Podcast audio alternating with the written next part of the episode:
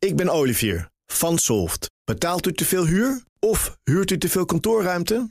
Solft heeft de oplossing. Van werkplekadvies, huuronderhandeling tot de verbouwing. Wij ontzorgen u. Kijk voor al onze diensten op soft.nl.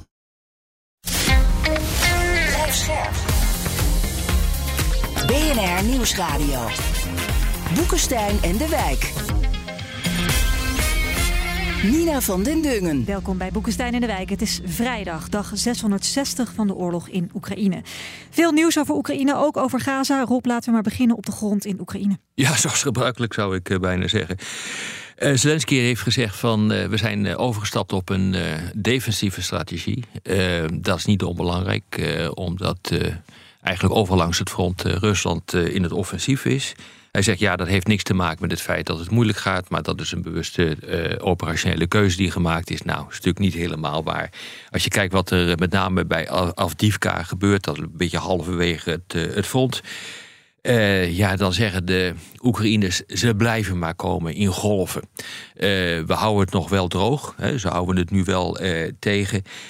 maar 40.000 Russische troepen die zijn daar uh, gestationeerd en die, uh, die blijven komen in, uh, in een opmars naar die stad. Dat gaat ze vermoedelijk ook wel lukken. Hoewel de Oekraïners ook steeds meer fortificaties hebben gebouwd. Dat geldt trouwens voor de Oekraïners langs het hele front, waar ze zich behoorlijk aan het ingraven zijn. Dus het, is echt, het begint steeds meer te lijken op halverwege de Eerste Wereldoorlog wat daar gebeurt. Um, maar kijk, um, vervolgens is het wel interessant om daar tegenover te stellen wat uh, uh, Poetin tijdens zijn roemruchte jaarlijkse persconferentie heeft uh, gezegd.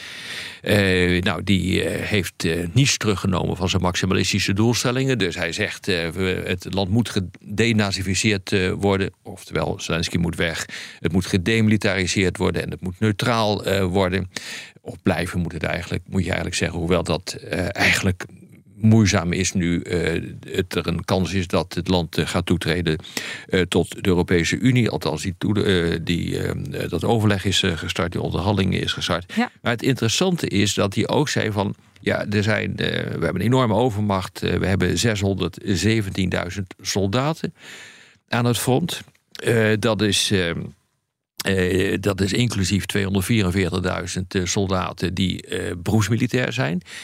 En dat is toch raar, raar want uh, het officiële getal wat alle inlichtingendiensten hanteren is 430.000. Dus wat is hier nou eigenlijk aan de hand? Volgens, volgens mij overdrijft hij een beetje van wat er is. Want uh, het gaat helemaal niet zo goed met die werving als hij, uh, als hij wil doen geloven. Hm. dus aan alle kanten zie je dus dat Poetin bezig is om de boel groter te maken en erger te maken voor Oekraïne dan het op dit ogenblik ja. is. Maar ja, het, het, blijft wel een padstelling. Nou ja, dan kunnen we het wel meteen hebben over de overwinningsspeech die Poetin gisteren gaf. Hè. Hij deed eigenlijk zijn, ja, hoe kunnen we het een soort jaarlijkse State of the Union noemen? Het is vragenvuur hè, vanuit. Uh, nou ja, dat is uh, waar ik het net over heb gehad. Uh, dat, ja, dat is ook zo. En ik, ik vond, ja, het is geen echte overwinningsspeech. Het is natuurlijk gewoon een, een, een, een, een vragenuurtje. Ehm, en Compleet geregisseerd compleet geregisseerd. En uh, het moet een goed nieuwsshow zijn. Ja. Met name ook voor de economie. En dat is ook zo. Uh, 3% economische groei is in die geest. Uh, ja, dat ziet hij natuurlijk als een overwinning. En eerlijk gezegd is het dat ook. Ja. Er zijn nog een uh, heel pakket individuele sancties aangenomen tegen Rusland, Arend Jan? Ja, dus de twaalfde ronde van EU-sancties alweer. Mm -hmm. Gericht tegen individuele Russen. Zoals bijvoorbeeld de de zoon van Medvedev met de, met de Russische diamantenhandel. Heel belangrijk is dat. Hè? Uh, dan heb je ook tegen publieke lichamen en tegen bedrijven die de Russische oorlog steunen. Ja, ja ho, ho. en uh, de export van uh, bepaalde instrumenten, bepaalde machines, ja. die de high-tech ontwikkeling van Rusland moeten remmen. Ja. Mhm. Eerlijk gezegd, hè, met de diamanten denk ik dat dat het belangrijkste is. Hè, ja, die, dat heeft de meeste impact. Ja, dat denk ik wel. Kijk, al die uh, sancties tegen die individuen, nou ja, weet je, dan is dat maar zo. Dan mag je niet meer naar de Europese Unie uh, reizen. Maar ach, uh, de sancties worden door 40 landen, zoiets in de wereld aanvaard, gesteund. dus er zijn nog genoeg landen waar je wel naartoe kan hoor. Hm. Ja. Weet je, als je diamanten haalt uit de Democratische Republiek Congo bijvoorbeeld. Hè? Dan ga je gewoon met een privéjet met dat kistje naar Moskou. Hè? En dan uh, niemand die daar nog verder naar kraait, lijkt me. Hè? Ja, ja, wat ook wel inhakt, het zijn invoerverboden. Uh, met betrekking tot uh, energie. Dat wordt aangescherpt, olie en gas.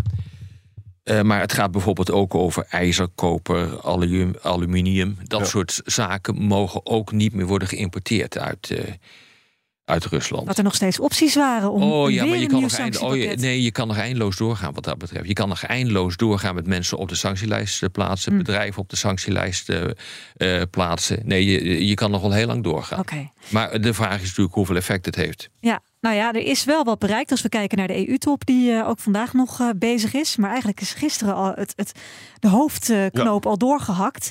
En er kwam best een verrassing uit, toch, Arjan? We gaan er in de podcast nog eh, over hebben, de volgende podcast. Ja, morgen. Maar even, nu samenvattend voor de volledigheid. ja, kennelijk was dus Orbán bereid om even de zaal uit te lopen. En waardoor hij dus eh, eigenlijk abstentie, hij heeft dus niet meegestemd. En daardoor kunnen nu de EU toetredingsonderhandelingen met zowel Oekraïne en Moldavië kunnen beginnen. Dat Ja. is dus een winst, zou je zeggen. Ja. Het trieste is, er is een enorme strijd in de EU.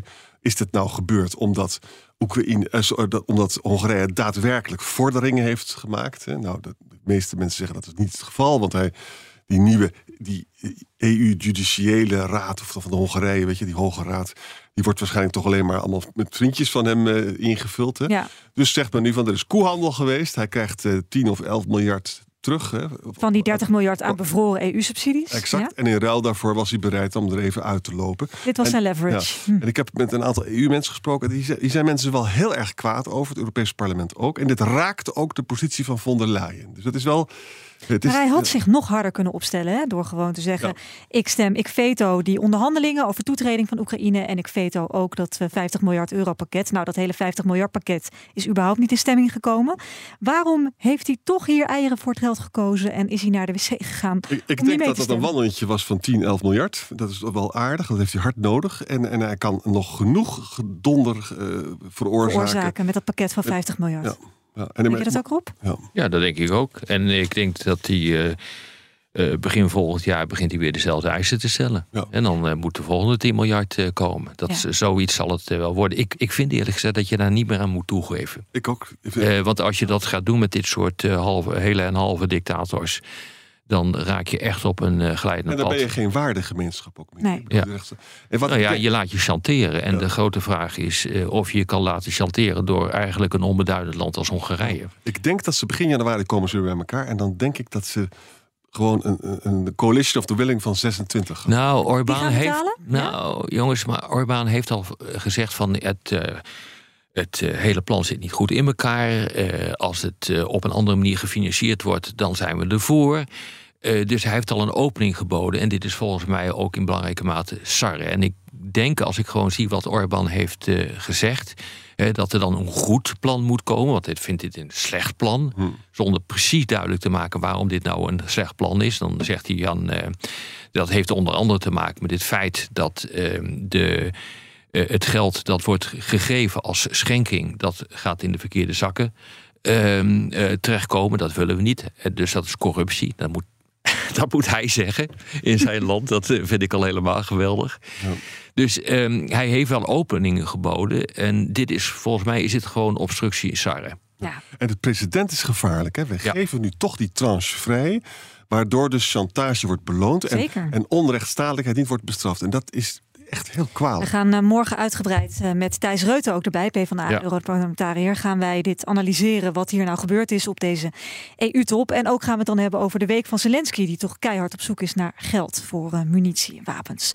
Ehm, nog andere dingen over de EU-top of kunnen we door naar de Amerikaanse begroting? Nou, Amerikaanse even. Ik denk dat dat ook wel belangrijk is. De Amerikaanse defensiebegroting is door het Huis en door ehm, ehm, de Senaat. Wordt nu voorgelegd aan Biden ter ondertekening. En daar zitten honderden miljoenen ook aan steungeld in voor de komende jaren met een eh, verlenging eh, voor het jaar daarna. Dus dan praten we over eh, eh, 2026. Dat is op zich goed. Dat is honderden miljoenen. Niet een beetje weinig? dat is een beetje weinig. Maar het betekent ook politiek gezien dat ook de hardliners zijn uiteindelijk hiermee akkoord gegaan, de Republikeinen. Dus dat betekent dat men niet a priori tegen alle steun aan Oekraïne is.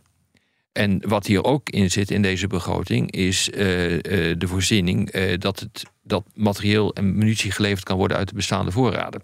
Dus hieruit blijkt dat er nog steeds een behoorlijke steun is, een ruime meerderheid in het congres voor steun aan Oekraïne. En voor de rest is het gewoon binnenlandse politiek gezeur en gezanik en gezeik over de grens met uh, Mexico. Het zal ongetwijfeld een probleem zijn, maar ik heb persoonlijk altijd grote moeite om dit soort interne problemen te linken aan iets wat de hele mondiale Ja. eh, vrede en veiligheid Maar denk aangaat. je dat het goed komt? Dat we toch nog vanuit de Ja, VS een eh, 50 eh, miljard Nou, mijn ervaring is wel, maar Arend Jan weet er misschien meer van, eh, dat eh, men ongehoord creatief is in het vinden van oplossingen.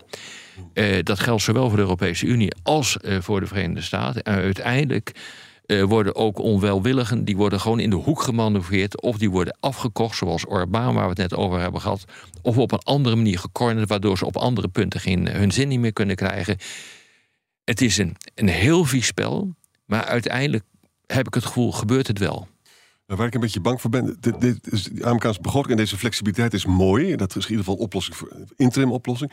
Of dat optelt tot 60 miljard, dat weet ik niet. Want ik ben gewoon ongelooflijk teleurgesteld, ook in de Nee, telt niet op, eh, telt niet op Nou. tot 60 miljard, absoluut niet. Het telt niet eens op tot een miljard. Exact. Eh, maar eh, het, het, het punt is veel meer dat het signaal is dat men dus niet, laten we zeggen, om tot alles bereid is om geen steun meer te leveren aan, aan Oekraïne. En dat, dat geeft dan hoop. Een soort hoop. Ja. Ja. Ehm, over hoop gesproken. Ja, Gaza. Hoe gaat het daar? Eh, Begin, begin maar, Rob. Begin maar. ja, ook eh, ja, we hebben eh, zware gevechten. Ja. Eh, het, het gaat maar door rond Gaza-stad. En het gaat door eh, in, het, in het zuiden, dus Gaza-stad in het noorden. En in het, eh, in het zuiden gaat dat, eh, gaat dat door. En je ziet dat de tactieken waar de, de strijders van die uh, Koet-brigades... van de Palestijnse Isla- Islamitische Jihad... maar ook de Qassam-brigades van, van Hamas... die worden wat geavanceerder ook in hun, in hun tactieken. Eh, betere hinderlagen. Ze zijn eh, bezig om eh, wapensystemen aan, aan elkaar te koppelen. Als je een gebouw binnen gaat, dan wordt het hele gebouw opgeblazen. Nou, dat soort dingen, dat is wel heel erg lastig. En dat wordt nu ook erkend door Israël dat dat erg, erg moeizaam gaat. Ja. Ja, er is ook gezegd, ehm, dat heeft Biden ook erkend, dit kan nog maanden gaan duren voordat echt Israël echt successen heeft eh, geboekt. Tot nu toe is dat nog niet het geval. Dus eh, ja, uiteindelijk moet je er- ongeveer die hele stad eh, plat Ja, bombarderen. dat zegt de Israëlische minister van Defensie, die Kaland, zegt dat ook. Het gaat Ja. nog maanden duren. We zien dus nu steeds grotere Amerikaanse-Israëlische meningsverschillen. Het gaat op een aantal punten. hè. Het eerste is dat Sullivan is nu ook in Israël, maar Biden heeft gisteren ook gezegd van ik wil deze oorlog eigenlijk zo snel mogelijk beëindigen. Dan zegt zijn woordvoerder weer van maar we geven natuurlijk geen, we dicteren geen tijdlijn. Dan wordt het weer teruggenomen. Dan zegt Biden van ik wil eigenlijk naar een low-intensity conflict. Sullivan zegt dat ook. Dus niet meer dat verschrikkelijke domme bommen verhaal. bombarderen van de burgerbevolking. Ja. En dan wordt er gesproken over een twee-staten-oplossing. Biden zegt, ik vind, ik vind dat dat belangrijk is. En dan zegt meneer de Israëlische president Isaac Herzog... nee, ik geloof niet in een twee-staten-oplossing. Althans, nu niet, want de Israëlische volk is zo beschadigd... door deze eh, ellende die allemaal plaatsvindt. Grote verschillen. Maar tot nu toe is het nog zo dat Biden de facto nog ruimte biedt... voor wat er nu gebeurt. Maar het lijkt mij dat het einde daarvan gaat naderen. Nou, hij heeft ook gezegd het moet afgeschaald worden in, eh, qua geweldsniveau tot het einde, Ja. tegen het einde van dit jaar. Want Ja. dit kan zo niet doorgaan. Ja. En eh, hij heeft ook gezegd van, eh, althans ook zijn veiligheidsadviseur, die heeft zich ook zo uitgelaten. Van nou, nou eens op met het alleen maar bombarderen. Maar als het gaat om Hamas-strijders en het gaat om het bevrijden van, van gegijzelden. Ja, dan kan je natuurlijk ook met commando's proberen te doen. Hè. Dus Ja. doe het wat meer eh, gericht in plaats van. eh, Maar het punt is, als je het meer gericht doet, dan moet je dus mensen dat gebied in. eh, eh, inbrengen. En dat is uitermate risicovol. Hoe je het ook went of keert. het laten vallen van een bom levert minder gevaar op voor Ja. Israëlische eh, soldaten dan het Ja. zenden van commando's. Maar het is ook wat Amerika zegt hè, over die elite forces die ze Ja. eigenlijk willen inzetten om gijzelaars te bevrijden. Ja, want in het verhaal wat Israël nu doet, de kans dat je natuurlijk gijzelaars bevrijdt via deze operatie lijkt mij niet zo groot. Er is spanning tussen eh, grootschalige bombardementen en het- of, of zeewaterverhalen waar we ook niks meer over Ja. horen. hè. Jawel, tunnels eh, ja, die te worden. tunnels zijn ze mee bezig om die tunnels onder water te zetten. Maar niet alle tunnels, want ze weten dus ook kennelijk dat in bepaalde tunnels gijzelaars eh, eh, zitten. Dus dat doe je dan niet. Hè, maar nee, maar dat gebeurt. Alleen, het is een megaklus. Probeer maar eens Ja. 500 kilometer tunnel of hoeveel het ook is. Ook al is het maar 100 kilometer. Eh, probeer dat maar eens onder water te zetten. Ja. Maar er zijn grote pompen nu eh, in werking gesteld om dat eh, te doen. En als je dat dus doet, dan ga je het grondwater dus permanent vervuilen. Dat is het enorme, jarenlange gevolg. Nou ja, het wordt ook zout, want het, Ja, is verzilting. verzilting. Want het is eh, zeewater wat ze erin eh, spuiten. Nou, Humanitaire situatie. Precies. Hopeloos. Ja. Zo erg zelfs dat de humanitaire die binnenkomen worden door de Gazanen gewoon gestopt. En dan ze hebben zo'n honger dat Overvallen. gewoon Terwijl er overvallen. dan niet eens eten in zit, hè, bij Ja. Artsen zonder Grenzen bijvoorbeeld. Ja, Rava is, is hel op aarde. Dus het is echt vreselijk.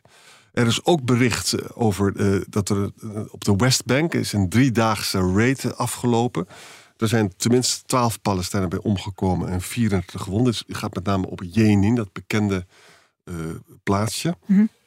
Dus dat gebeurt ook allemaal tegelijkertijd. Hè? En Ja. dan hebben we wat heel belangrijk is. ehm, er, zijn, er worden ook eh, Hamas-terroristen in Europa zelf eh, Ja, de terreurdreiging is ook in Nederland opgeschroefd. Ja. En dat Ja. geldt eigenlijk voor heel Europa. En er zijn verschillende berichten. Drie in Duitsland, één in Nederland. Hè. Die, deze jongens probeerden wapens te verzamelen om Joodse instellingen aan te pakken. Met Heel name. Kopenhagen was doelwit, hè? las ik.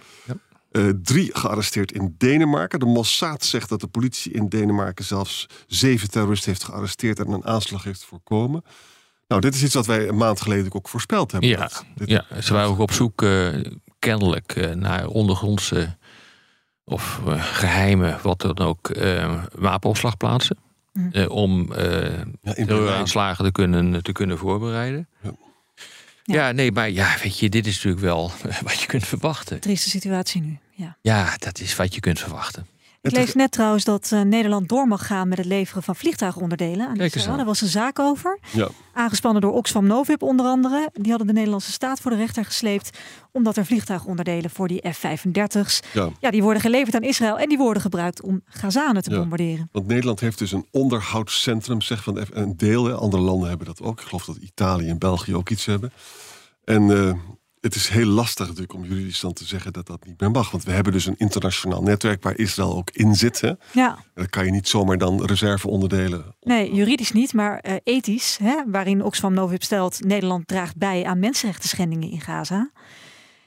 Ik, vind dat lastig, ik vind dat een lastige. Eh, Nederland eh, bestuurt die, eh, die F-35's niet.